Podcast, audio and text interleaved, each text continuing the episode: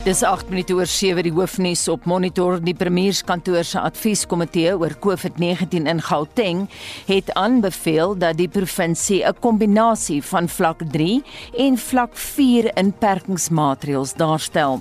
Gauteng word by verre die ergste geraak deur die derde vlak van die pandemie. Despite the fact that we've ramped up our testing, they we tested 30,000 in one day we're still having a very high percentage test positivity. So this means our testing is not keeping up with the rate of transmission in the community. Die ontplooiing van Suid-Afrikaanse troepe in Mosambiek het die groen lig gekry. Die vraag is of hulle suksesvol kan wees. En president Joe Biden vergader vandag met die president van Afghanistan, Ashraf Ghani in Washington. Goeiemôre, ek is Anita Visser. Welkom by Monitor. Gauteng se advieskomitee oor COVID-19 het aanbeveel dat die provinsie 'n kombinasie van vlak 3 en vlak 4 inperkingsmaatreëls daarstel. Die komitee sê 'n vlak 5 inperking sal te streng wees. Die voorsitter van die komitee, Merika Wonga, sê Gauteng word by verre die ergste geraak deur die derde vlaag van die pandemie en het tans sowat 2/3 van alle nuwe infeksies in Suid-Afrika. And what it means is there's a very high and increasing risk of transmission in the community. Because it means that there are many people in the community who we have not even picked up. There are many more who are positive who have not been picked up by testing. And the thing that's worrying us even more about the percentage test positivity is that despite the fact that we've ramped up our testing, and as I mentioned today, we tested 30,000 in one day, we're still having a very high percentage test positivity. So this means our testing is not keeping up with the rate of transmission in the community. Kawunga sê strenger beperkings is nodig, maar 'n balans moet gevind word tussen gesondheidsorg en om 'n bestaan te maak. Kawunga sê 'n totale verbod op alkohol is nie die oplossing nie omdat dit 'n negatiewe impak op die ekonomie sal hê. You know, we've restricted alcohol. It's not a ban. Outright ban is bad for the economy. So there has to be a balance where you are strict enough, but perhaps not too strict that you're impacting too much on the economy. So there might be a need, for example, to increase the restrictions by banning alcohol over the weekend or things like that, for example. Gautengse premier David Makura het intussen aangekondig dat dele van die Charlotte Matreke Hospitaal in Johannesburg binnekort heropen word.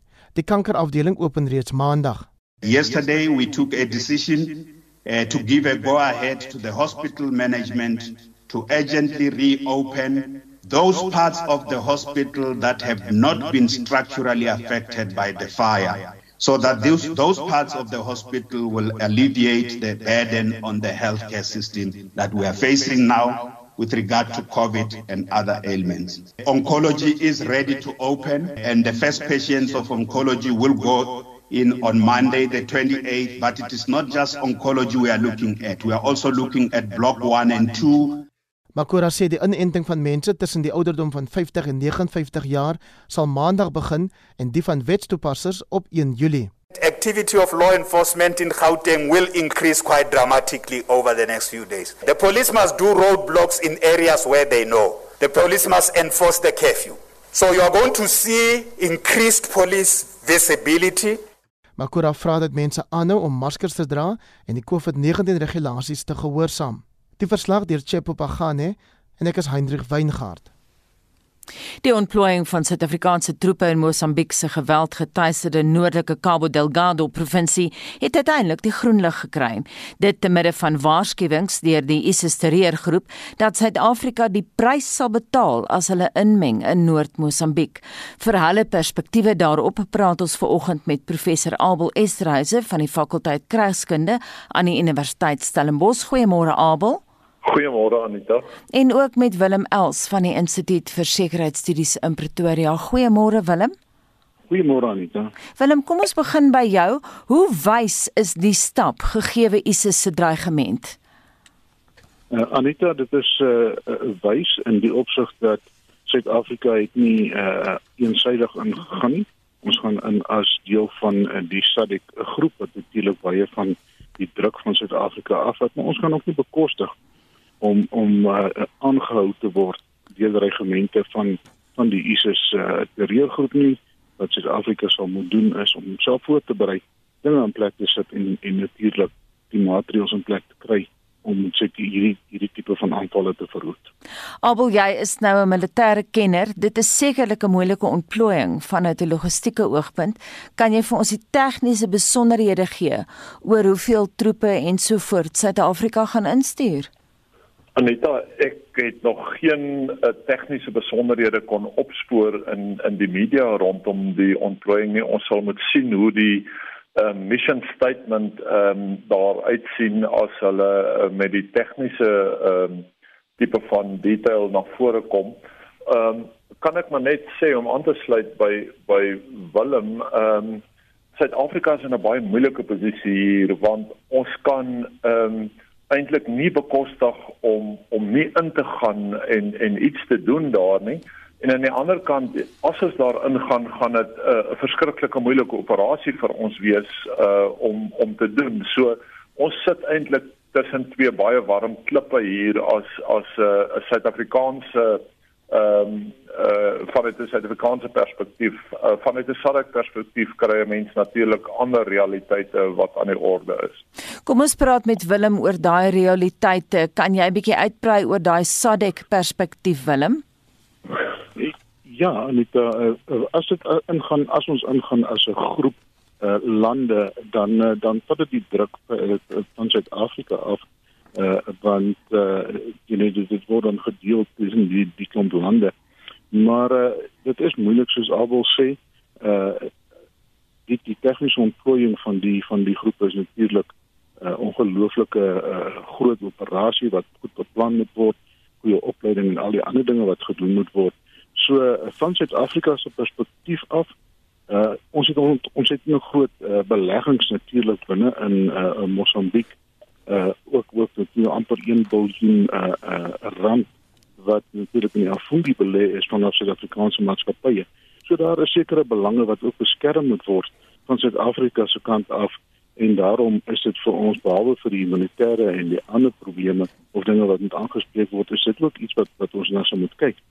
Maar uh, die die ontplooiing self dit gaan dit gaan baie problematies wees in die begin om dit daar te kry soos soos Abo gesê het die Engelse praat hulle van die van die con ops wat moet opgetrek word waar al die detail wie gaan 'n bevel wees wie gaan wie gaan wat doen wat is die wie gaan wat gee ens ens dit is 'n groot operasie wat beplan sal moet word wat baie kompleks gaan wees in die opsig dat jy weet almal praat nie Engels soos om toe gaan mm. so so dit is dit is die amper die toring van Babel wat hulle moet gaan aan ander daarso. Mm. so dit dit is natuurlik 'n komplekse issue wat moet aangespreek word.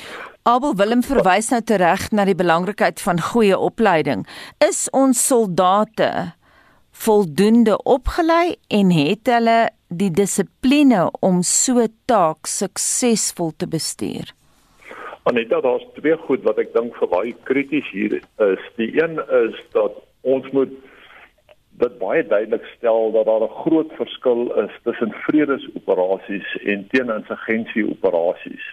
Ehm um, dis 'n belangrike faktor wat ons hier moet oorweeg en ons moet verstaan dat ons weermag het geweldig baie ervaring opgebou in vredesoperasies sedert 94, maar hierdie is 'n totaal ander ehm um, uh, tipe van operasie waarin ons betrokke raak omdat ons waarskynlik hier gaan met vrede skep deur middel van 'n teeninsurgensie operasie. So dis vir my die die eerste kritiese aspek wat ons hier moet moet uitwys.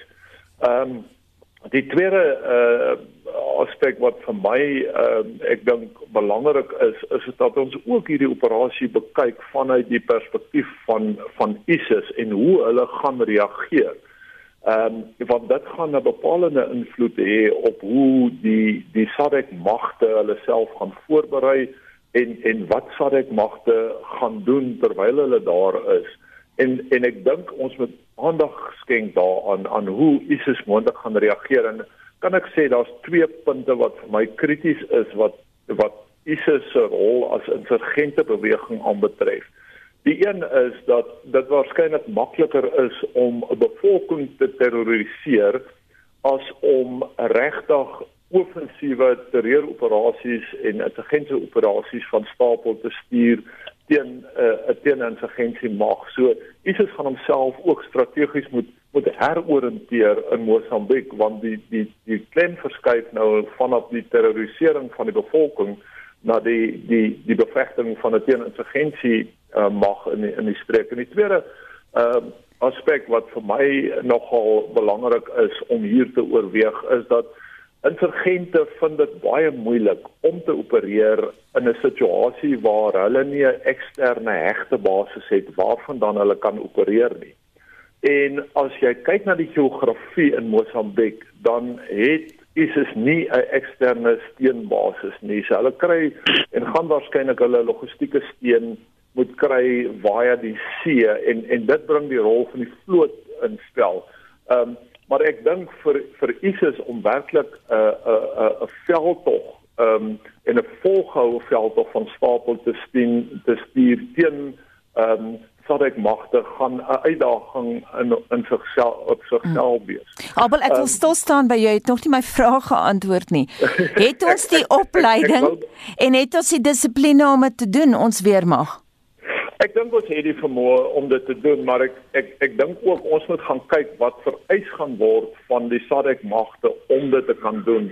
En en daar's vir my ehm um, drie aspekte wat ek wat ek miskien hier moet uitlig. Uh teeninsurgensie operasies oor die algemeen is inligting gedrewe operasies. Met ander woorde, as jy nie inligting het ehm um, wat jou taktiese en operasionele uh operasies kan voed nie, is dit feitelik onmoontlik om teen insurgensie operasies te voer. So ons kan ons kan dit nie doen sonder 'n goeie inligtingstelsel nie en ek is nie oortuig dat daardie inligtingstelsel reeds in plek is nie en dit vat tyd om om te skep veral as daar nie 'n bevolking is wat jou kan voed met inligting nie. Hmm. Die tweede die tweede aspek dink ek wat belangrik is vir vir SADC magte is juis die die verhouding en samewerking met die plaaslike bevolking.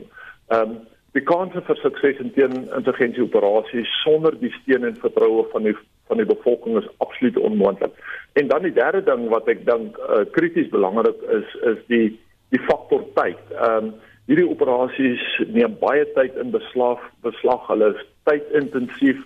Ehm um, maar tyd spreek ook tot die legitimiteit en en toestemming van die Maputo regering wat hmm. ehm um, basies met toestemming gee dat ons gaan vir 'n baie lang tyd waarskynlik hier betrokke wees en ja, ehm um, uiteraard gee dit ook vir ons die geleentheid om nou jou vraag te antwoord om ons magte voor te berei oor tyd. Ehm um, omdat ehm um, teeninsurgensie operasies ook maar operasies is waar die weermagte hulle self moet aanpas by die situasie waarmee hulle gekonfronteer hmm. word uh as die ontplooiing eers van stapel gestuur word. Kos gee gou vir Willem 'n kans. Willem, ek weet jy is gedurig in kontak met die Europeërs, met die Portugese ambassadeur in Pretoria, Manuel Carvalho, en jy het ook vroeër die week met die EU se ambassadeur in Maputo gepraat. Wat sê hulle? Gaan die Europeërs ook betrokke raak, dink jy? Ja, eh uh, uh, Anita, dit is uh, dit is so die Europese Unie uh, veral ge uh, aan die met, met Portugal aan die spits as gevolg natuurlik van hulle historiese bande is baie betrokke. Ons sien dat Portugal was die afgelope 6 maande aan die spits van die Europese Unie en uh, voor die week het uh, hulle minister van buitelandse sake Santos Silva het hy gesê en hy was baie positief daaroor dat later die maand gaan die Europese Unie wanneer hulle ministers van buitelandse sake bymekaar kom gaan hulle verdere uh, uh, ontplooiing goedkeur vanaf die Europese Unie en dit is meerendeels in ten opsigte van uh, van opleiding. Uh voor die week het ons met uh, Meer Antonio Sanchez Benedito, hy is die Europese uh, Unie se ambassadeur in Maputo gesels en uh, hy het hy het bevestig. Hy het ook gesê dat uh jy weet uh, opleiding dit gaan natuurlik oor gaan oor opleiding, maar jy kan nie mense oplei as jy nie toerusting het om te gebruik uh so hoe hoe, hoe lê hulle dan op? Uh so hulle gaan ook toerusting verskaf maar dit sal natuurlik jou nie uh, doodmakende of non-lethal equipment wees wat hulle gaan verskaf. Willem Ruk gelede in 'n onderhoud het jy vir my vertel van die chaos wat eers in plekke soos Kitunda en jy was nou eh, die week weer in Mosambiek. Dink jy die Suid-Afrikaanse soldate kan daar orde skep? Van die prentjie wat jy vir my geskets het van Kitunda en eh, Kitunda en en Palma en so was was 'n baie lelike prentjie. Dit was absoluut chaoties. Ja, Anita, dit is ongelooflik chaoties. Jy het nou verder berigte ingekom uh, waar ongelukkig so dat dat dat uh, die Mosambiekse magte nou ook uh, be beskuldig word dat hulle ingaan in die in die uh, villages en die in die uh, vestings in. En dan uh, doen hulle voor as uh, as ISIS terroriste en hulle hulle uh, dan uh, terroriseer die mense. En hulle sny tot van die mense se koppe af mm. dit dit dat blyk dat hulle dan van die terroriste is wat dit doen en dan vat hulle natuurlik alles wat hulle kan vat daar. So daar is op die oomblik wetteloosheid, dis chaos op die oomblik daar. Daar is ongelooflik 'n uh, gebrek aan dissipline uh, aan die kant van die Mosambiekse magte op die oomblik. En een van die redes daarvoor is dat hulle natuurlik die pers en alle vreemde oë verdryf het. Hulle het 'n sluier getrek oor die oor die gebied dat hulle natuurlik 'n vrye hand kan hê om dan te doen wat hulle wil. So daar is nie uh, uh dinge in plek om hulle om hulle so 'n bietjie in toom te hou nie.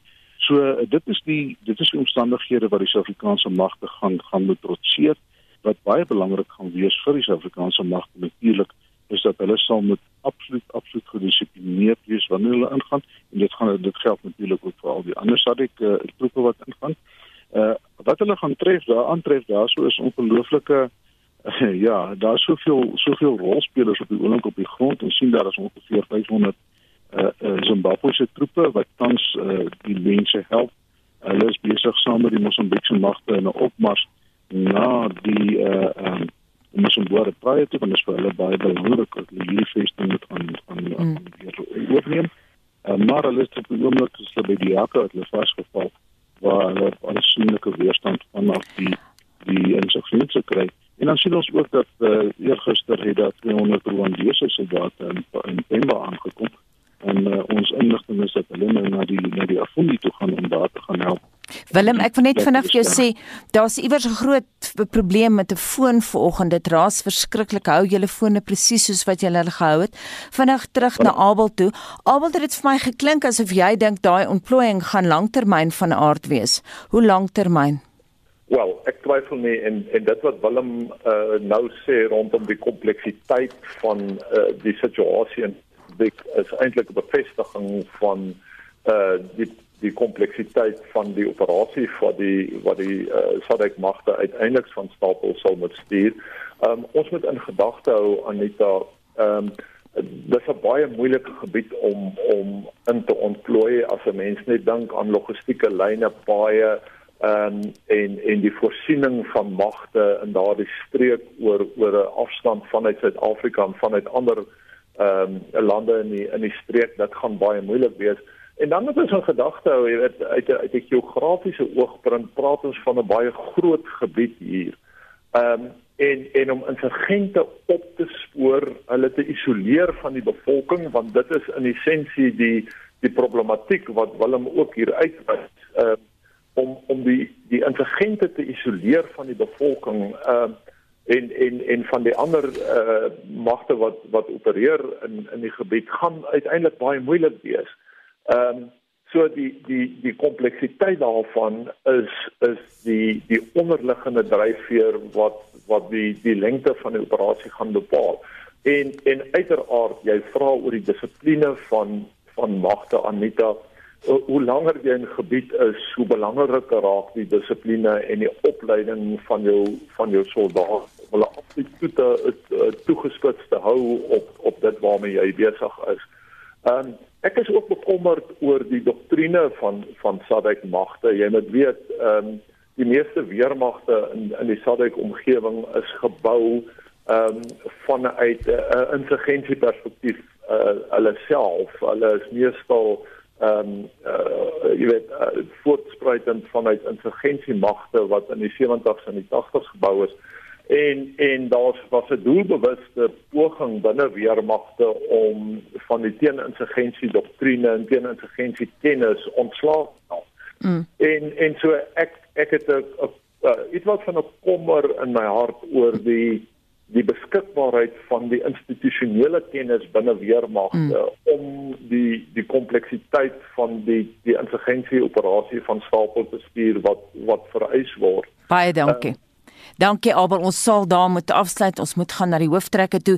Dit dan professor Abel Esterhuise van die fakulteit Kragskunde aan die Universiteit Stellenbosch en ons het ook ver oggend gepraat met Willem Els van die Instituut vir Sekuriteitsstudies in Pretoria.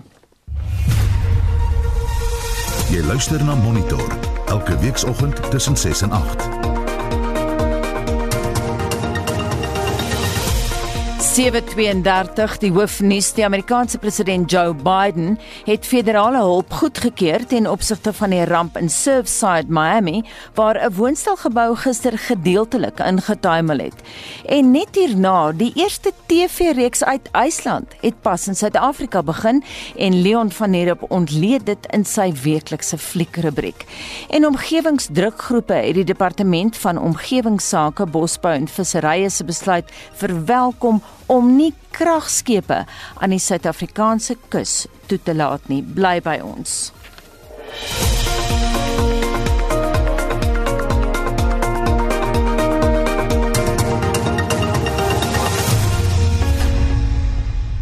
Jy dra verskeie hoede vanoggend. Jy kyk ook na ons SMS terugvoeringe. Wat sê ons luisteraars? Louis Jordan wat sê die ministers en al die erf van Gauteng gaan seker miljoene rande gebruik van belastingbetalers se geld om elektriese motors aan te koop om dan 'n voorbeeld te stel sal hulle verskoning wees.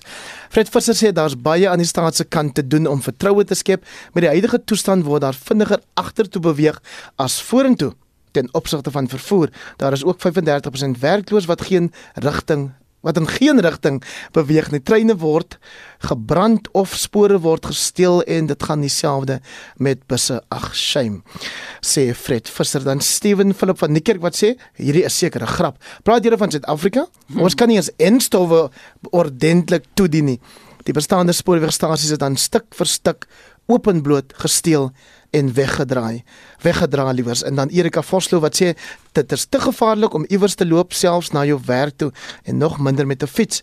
Jy word in daglig, soos Erika dit stel, gerop totsies om elke hoek en draai. Ek sal net voor ag weer tyd hê om terugvoer te gee. Intussen gaan ons na ander nuus. Die nie-regeringsorganisasie Green Connection verwelkom die jongste besluit wat geneem is met betrekking tot die kragskepe wat anker sou gooi in Saldanha Bay in die Wes-Kaap. Die departement van omgewingsake het die Turkse Car Power maatskappy se aansoek vir 'n permit permit van die hand gewys.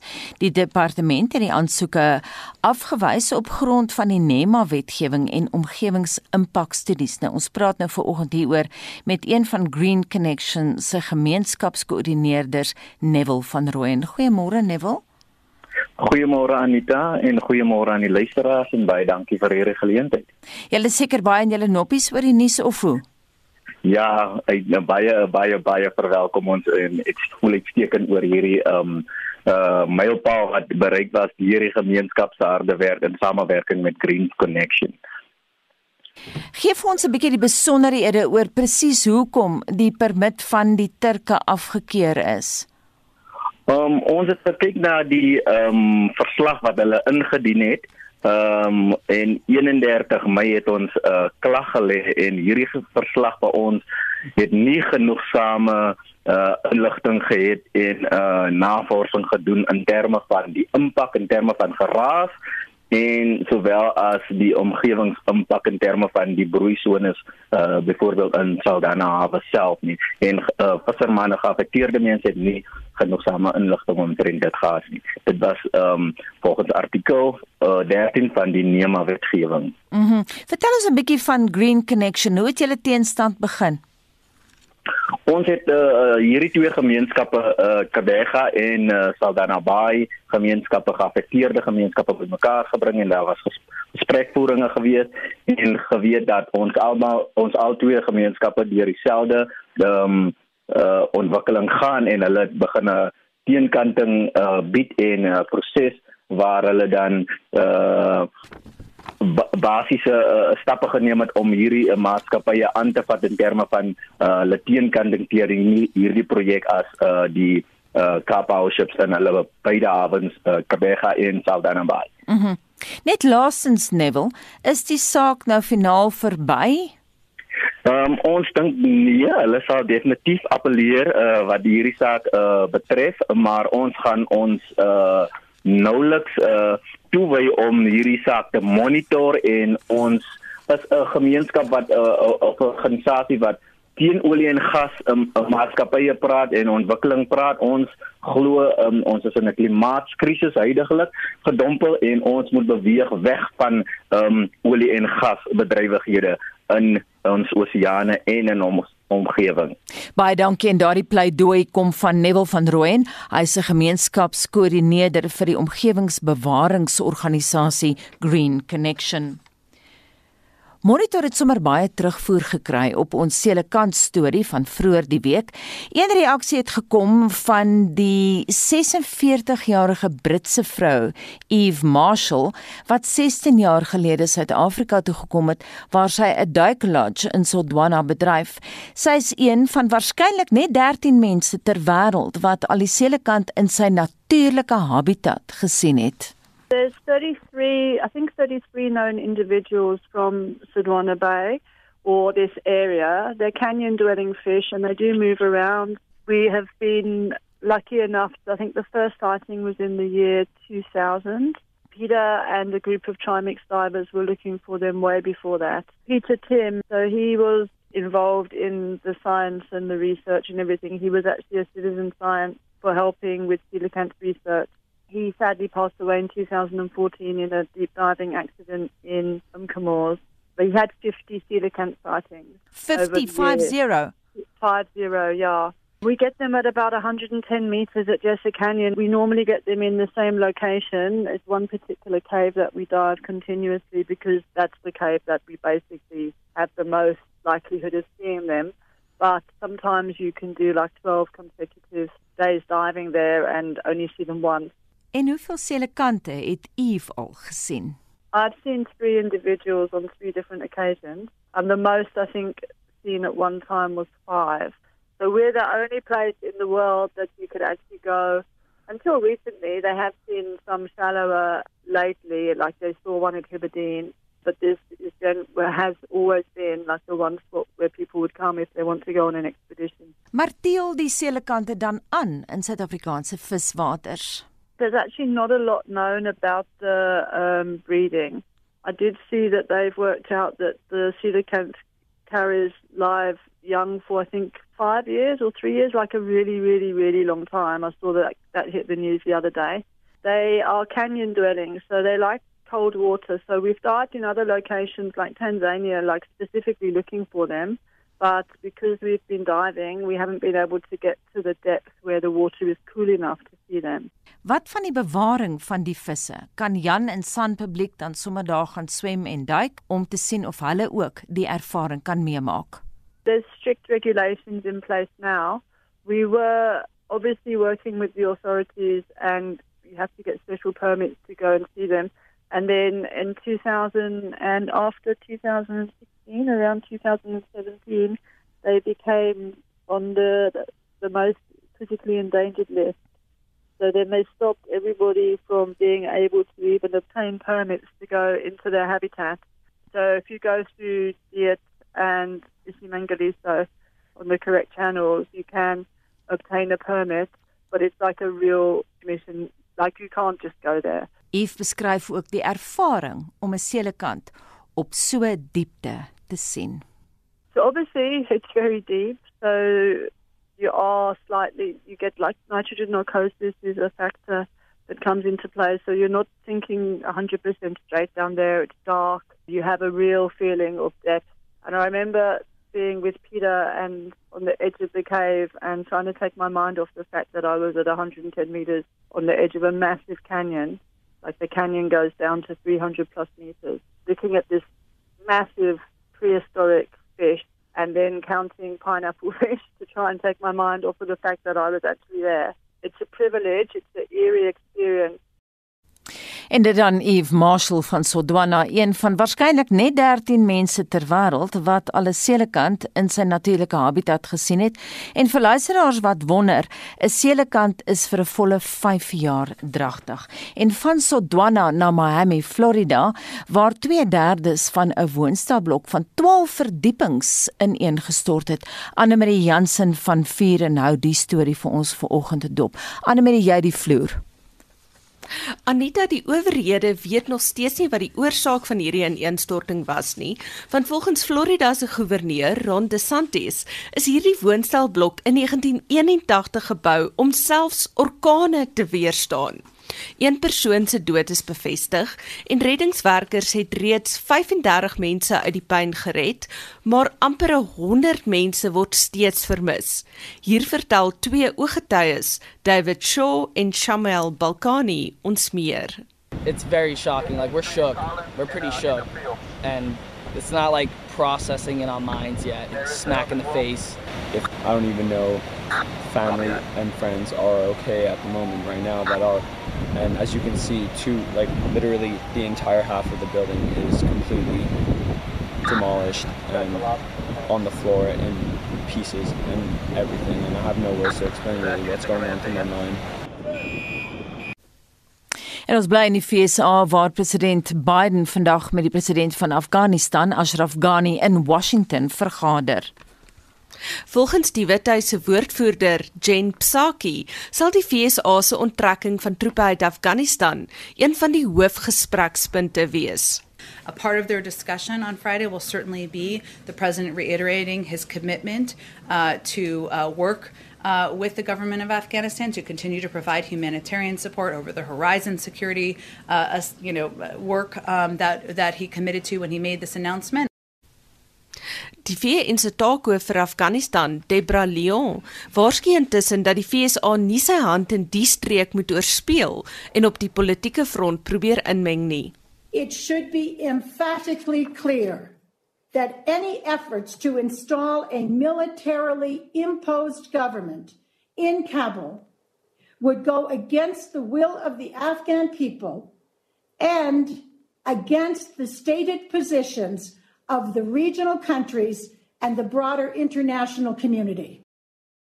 En dit dan die stem van Deborah Leon, sy is die VN se spesiale taakhoof vir Afghanistan en Annelie Jansen van Vuren het daardie verslag oor wêreldnuusgebeure vir Monitor saamgestel. Ons verskuif die fokus nou na sportsake en praat met Pieter van der Berg. Pieter, goeiemôre. Môre Anita.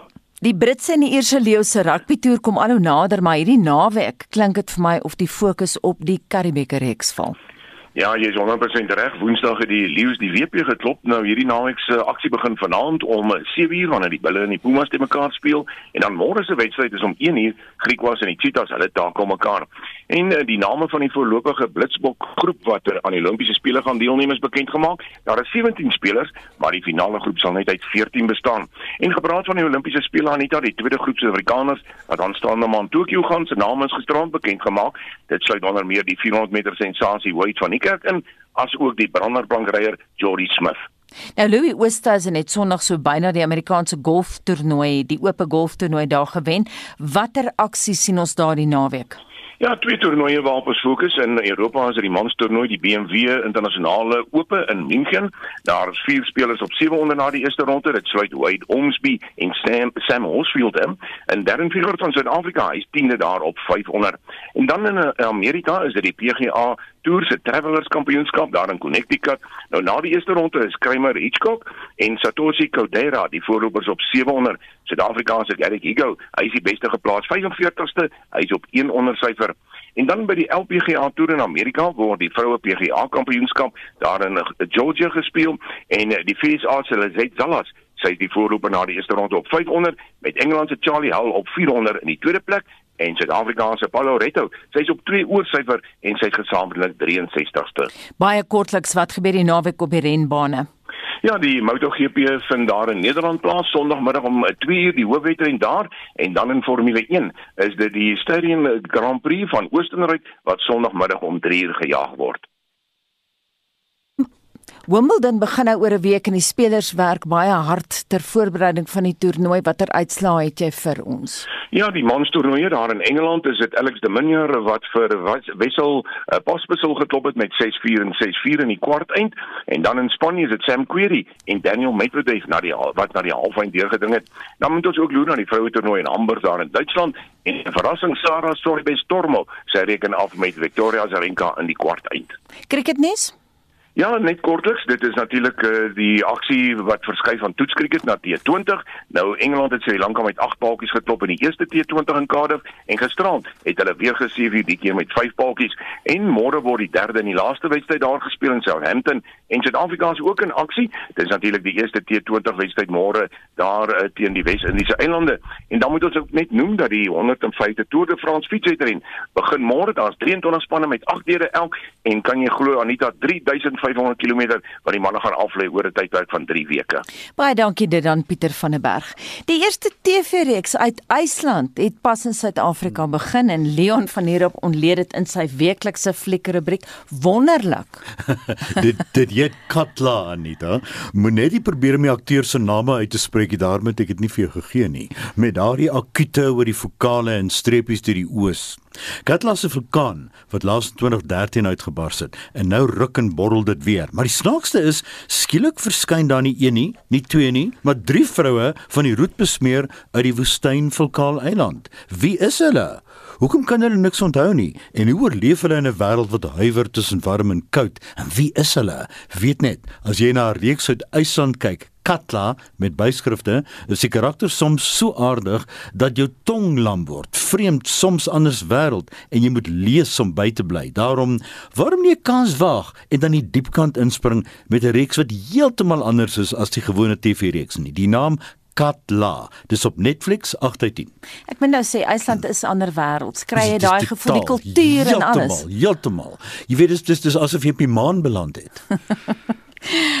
Luisteraars met kinders kry daarom sekerlik ook 'n bietjie pitkos vir die naweek. As ek die naam Sweet Tooth noem, waarin dink jy dadelik? Nee, nie sjokolade nie, maar in Sweet Tooth se geval is dit 'n soetant van 'n ander aard. In hierdie geval gaan dit oor 'n pandemie, 'n woord wat 'n mens regtig nie meer wil hoor nie, wat besig is om die wêreldbevolking uit te wis.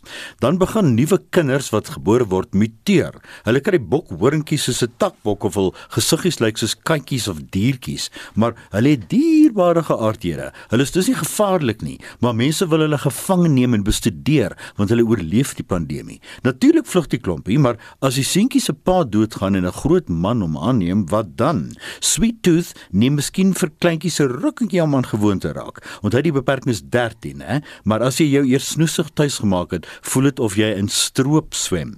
Dis gegrond op 'n strokie en die kinders se avonture is gewaagd en groter as die lewe self. Boonop is die natuur beeldskoon en die seentjie met die takbok horingkies is 'n uitstekende speler.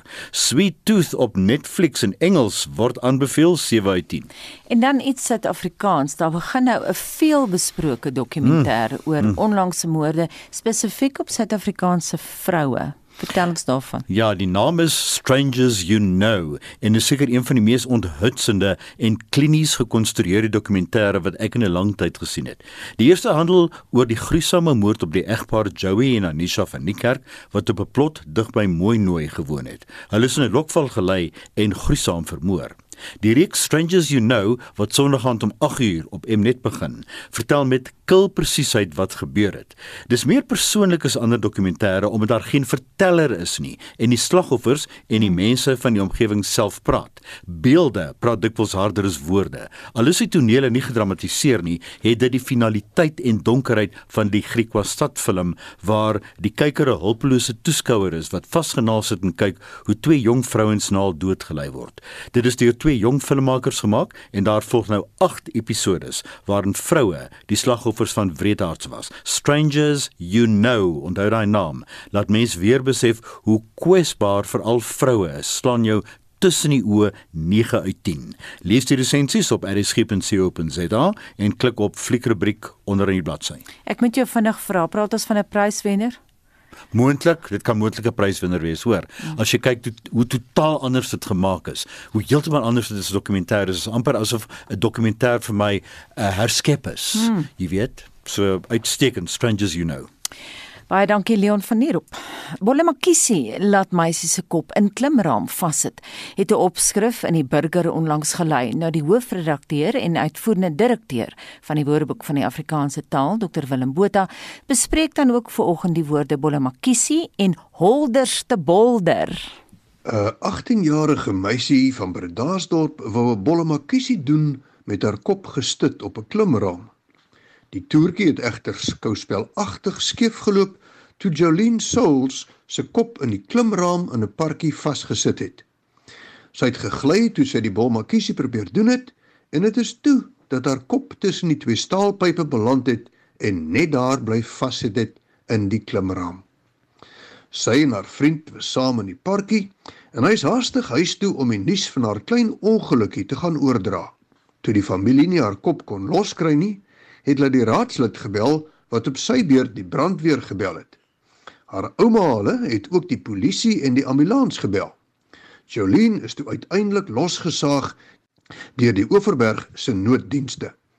Die bolmakiesie wat Jolene wou uitvoer, het ook 'n wisselvorm, bolle makiesie. 'n Bolmakiesie is 'n beweging waarby iemand met sy lyf vorentoe oorslaan totdat hy weer regop is. Die herkoms van bolmakiesie is onseker. Maar dit lyk tog of die bol verwys na waarskynlik die bonneltjie waarin die lyf getrek word voordat dit vorentoe oorslaan. Volgens Mansveld in 1884 kom die bol dalk uit Nederlands bollen wat vroeër draai of wentel beteken het. En hy bespiegel verder dat ma van bol makiesie moontlik kan kom uit maar en kiesie moontlik uit keesje wat 'n keus of 'n bobbejaan is sodat dit as geheel iets beteken soos draai of wentel maar soos 'n bobbejaan. Op 'n manier het Bolmakiesie my laat dink aan Holderste Bolder. Holderste Bolder beteken met 'n deurmekaar verwarde of oorhaastige beweging. Byvoorbeeld, hy het die klere Holderste Bolder in sy koffer geprop. Jy kan ook praat van Holder de Bolder en soms Holder Bolder, Holder te Bolder, Horrelste Bolder en Horrelste Borrel. Die Nederlandse holder de bolder is deur klanknabootsing gevorm en stel die geluid voor van iets wat rollend aankom of val. Die Nederlandse bolder hou verband met bulderen wat raas of dreun beteken, terwyl holder min of meer willekeurig gekies is om daarmee te rym. En so sê Dr Willem Botha, hy is hoofredakteur en uitvoerende direkteur van die Woordeboek van die Afrikaanse taal. As jy 'n woord wil borg, gaan na www.wat.co.za. Ek sien jy het darm nog vir ons SMS terugvoering daar, Hendrik. Aneta, ja, Erika van Benoni sê ek het verlede week taxi gery na 20 jaar. Almal het maskers aan en ek het veilig by die huis aangekom. Iemand anders sê ek is eens veilig in my eie huis nie, hoe sal ek veilig wees in openbare vervoer? Ha ha ha. En dan nog 'n paar SMS'e, hoe kan jy openbare vervoer gebruik as die passasiers en die bestuurder nie maskers dra nie? Dan is nog 70% van die taksies onpadwaardig en bestuurslisensies is gekoop of hulle het voete gekry om te wel ek het voete gekry om te loop wat my hemelse Vader gratis gegee het en dis Loot van Rustenburg wat so laat weet. Iemand anders skryf hier in die old regime was daar goeie busvervoer. Die meerderheid het daarvan gebruik gemaak en dit was altyd op tyd. Met die ANC is alles tot nul. En dan Ria uit Portulus of Kebega uit wat sê wat beteken voldoende in die tyd waarin ons leef? Skoon, bekostigbaar, veilig en boonop betyds wees. Miskien sal ek dit dan op die proef stel. En dan eh, Louis wat sê openbare vervoer net weer 'n geleentheid vir korrupsie om swendelaars se tak se tasse vol geld te maak. Annelie baie kortliks Spectrum se dagboek. Die waarnemende minister van gesondheid hou vandag 'n media-konferensie oor die regering se COVID-19 planne. Die inligtingsessie het pas afgeskop en 'n navorser van Shadow World Investigations, Paul Holden, sit sy getuienis by die Staatskapingskommissie voort. En daarmee groet die monitorspan namens ons waarnemende uitvoerende regisseur Hendrik Martin, die man in die warm stoel vanoggend, Justin Kennedy en ons produksieregisseurs Daitron Godfrey en Johan Pieterse. My naam is Anita Visser.